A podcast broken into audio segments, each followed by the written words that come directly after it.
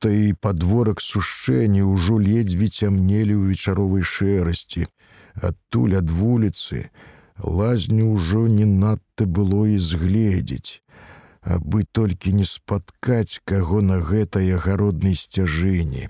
А калі хто і спаткаецца, думаў буру, занятку у яго ўсяго на хвіліну. Доўга ён тут не затрымаецца, абы не налезці на паліцыю, але ў такі менавіта час, у шэрую гадзіну сутак людзі яшчэ не заперліся ў хатах, корпуюцца на падворках з жывёлай, Мусіць, такую парой паліцыя яшчэ не дужа глядзіце слухае. Глядзеце слухаць яна пачынае трохі пазней, як наўкол паглушэе. З коньмі на павадах яны прыйшлі ў канец падворка, якраз на дрывотню. Мабыць, з нядаўна прывезенымі з лесу дрывамі, яшчэ неўпарадкаванымі на зіму, якія безладнай кучаю круглякоў грувасціліся ля плота. Побач валялася старое карыта, нейкія брудныя вядзёркі. Прыслоненыя пад страхой да сцяны стаялі вілы і граблі.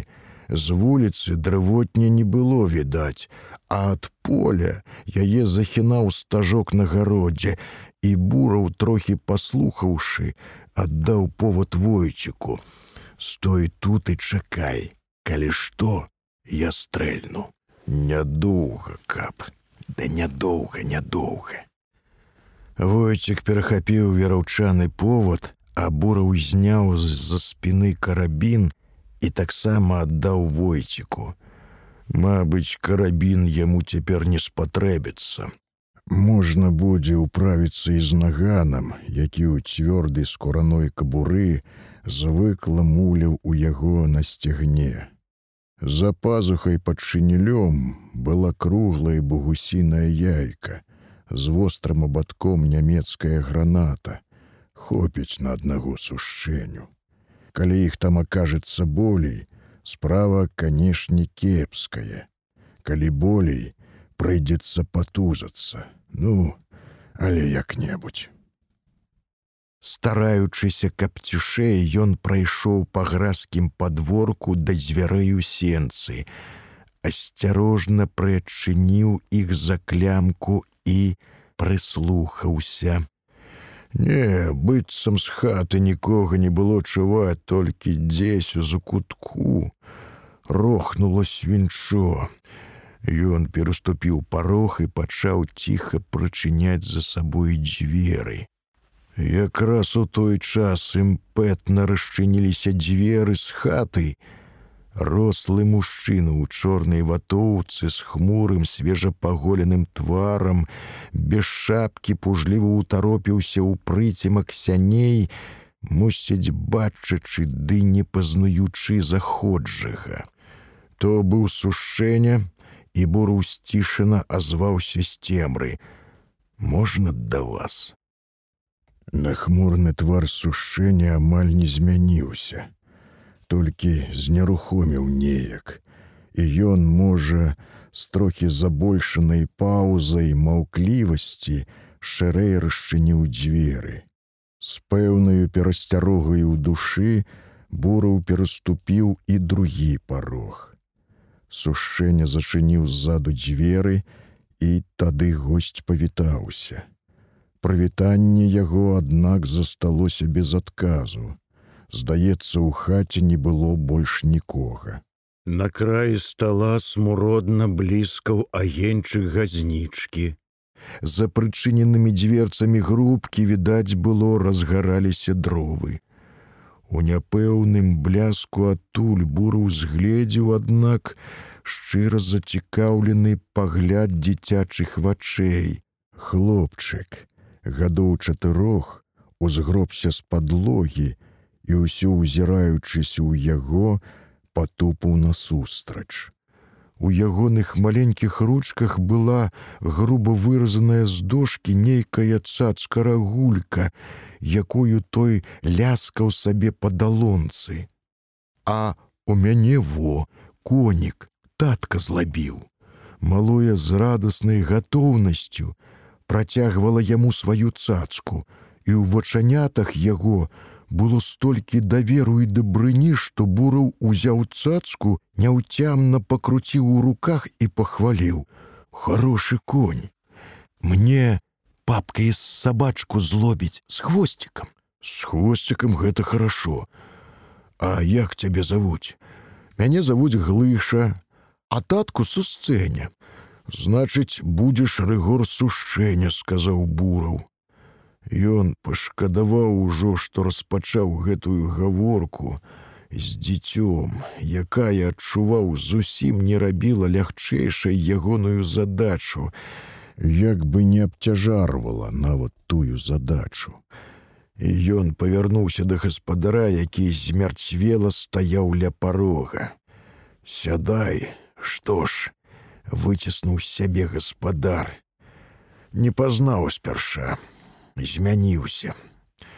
Ды мусіць і ты змяніўся, сказаў бураў і адчуўшы раптоўнае нейкае нязвыклае для сябе хваляванне, сеў на лаву ў прасценку. Зараз жа да яго валюхаста падбег грышка і даверліва прыхінуўся да калена, звыкла забаўляючыся сваёй цацкай, А ў лёніка ёсць патлон, аддана зазіраючы ў твар бурава даверліва паведаміў ён, што стлаляе, бух. Вояк, патроны цяпер не для ребят, строга сказаў буру. Ты не патрон грыша зазначыў бацька, гільза ў яго ёсць. Ага, гільза. Грышка пакінуў свайго канька і болей зацікавіўшыся госцем, уклаў каротенькі пальчык у рот, пачаў разглядаць бурава.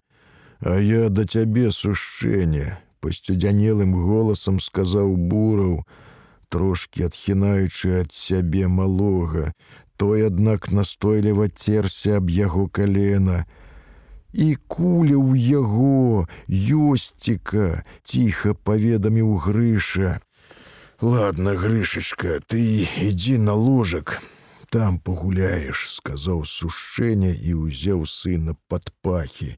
Той крыўдліва забутаў нагамі, захныкаў нават, аднак бацька аднёс яго ў запечак, і расслаблена вярнуўся да грубкі. А дзе ж жонка запытаўся бураў.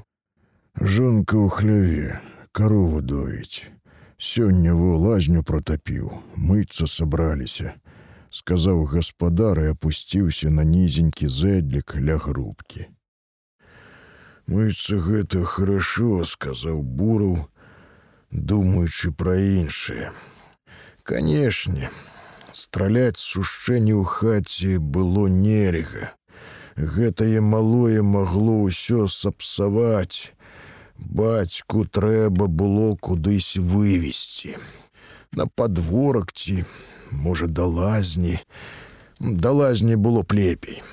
Праўда, стрэл маглі пачуць і на станцыі, а ім яшчэ трэба было пералазіць цераз рэчку, Лепш бы, канешне, за рэчкай. Адтуль цераз поля і ў лес, толькі як туды яго давядзеш, А калі здагадаецца. Я знаў, што вы прыйдзеце, сказаў тым часам сушэння, з нейкай незразумелай пакорай у голасе, якая штосьці няўцям пакаробіла ў душы бурава. Аднак ён не паказаў таго і амаль бадзёра зазначыў: Знаў, гэта добра, а значыць, віну сваю разумееш. Што ж тут разумець? развёў руками сушэння. Ніякай жа віны не маю, во ў чым загвоздка. Не маеш, не маю, А рабяты вырвалася ў бурава, што павесілі рабят павесілі, пагадзіўся сушэнне ізноў, абвяў з выгляду нагнуўшы галаву долу. Падобна было ён нават церануў пальцамі вочы, але тут жа, мабыць, перасіліў сябе і выпрастаўся. Бураў, ужо лаючы сябе за нерашучасць, адчуваў, як усё болей зяблі яго мокрыя ногі. Мокрая нуча на левай назе зусім скамячылася ў боці і муляла. Мусіць, трэба было канчаць гэтыя размовы, але ён неяк нядобра расслабіўся і бавіў час, нібы боючыся пераламаць сябе на галоўнае. З-за печка да яго зноў прыкаціўся грышка. Дядя, А у цябе наган ёсць? — спытаў ён, зноў прыхінаючыся да яго калень. Не, які наган сказаў буру. А во што гэта? каротенькім пальчыкам ён паказаў на яго кубуру. Гэта, гэта так, сумачка. А на што сумачка? дапытваўся грыша, смокчачы свой каротенькі пальчык. Неяк неўпрыкмет ён абняў калені бурава і ўжо ласкава, як кацяня, цёрся аб іх. Сушэння тым часам сядзеў насупраць і не адганяў сына. Ён паглыбіўся ў свае, мабыць, невясёлыя перажыванні. У той час у сенцах грукнулі дзверы, і ў хату не адразу неяк запаволена, бы з ношай увайшла жанчына з вядром у цёплай ваўнянай хустцы на галаве. Згледзеўшы чужога на лаве відаць было боязна насцярожылася але тут жа яе ўвагу адабрала малое якое ўжо спрабавала ўзлезці бураву на калені. Грыша а у дядзі наган ёсць у сумачцы жвава паведаміў хлопчык.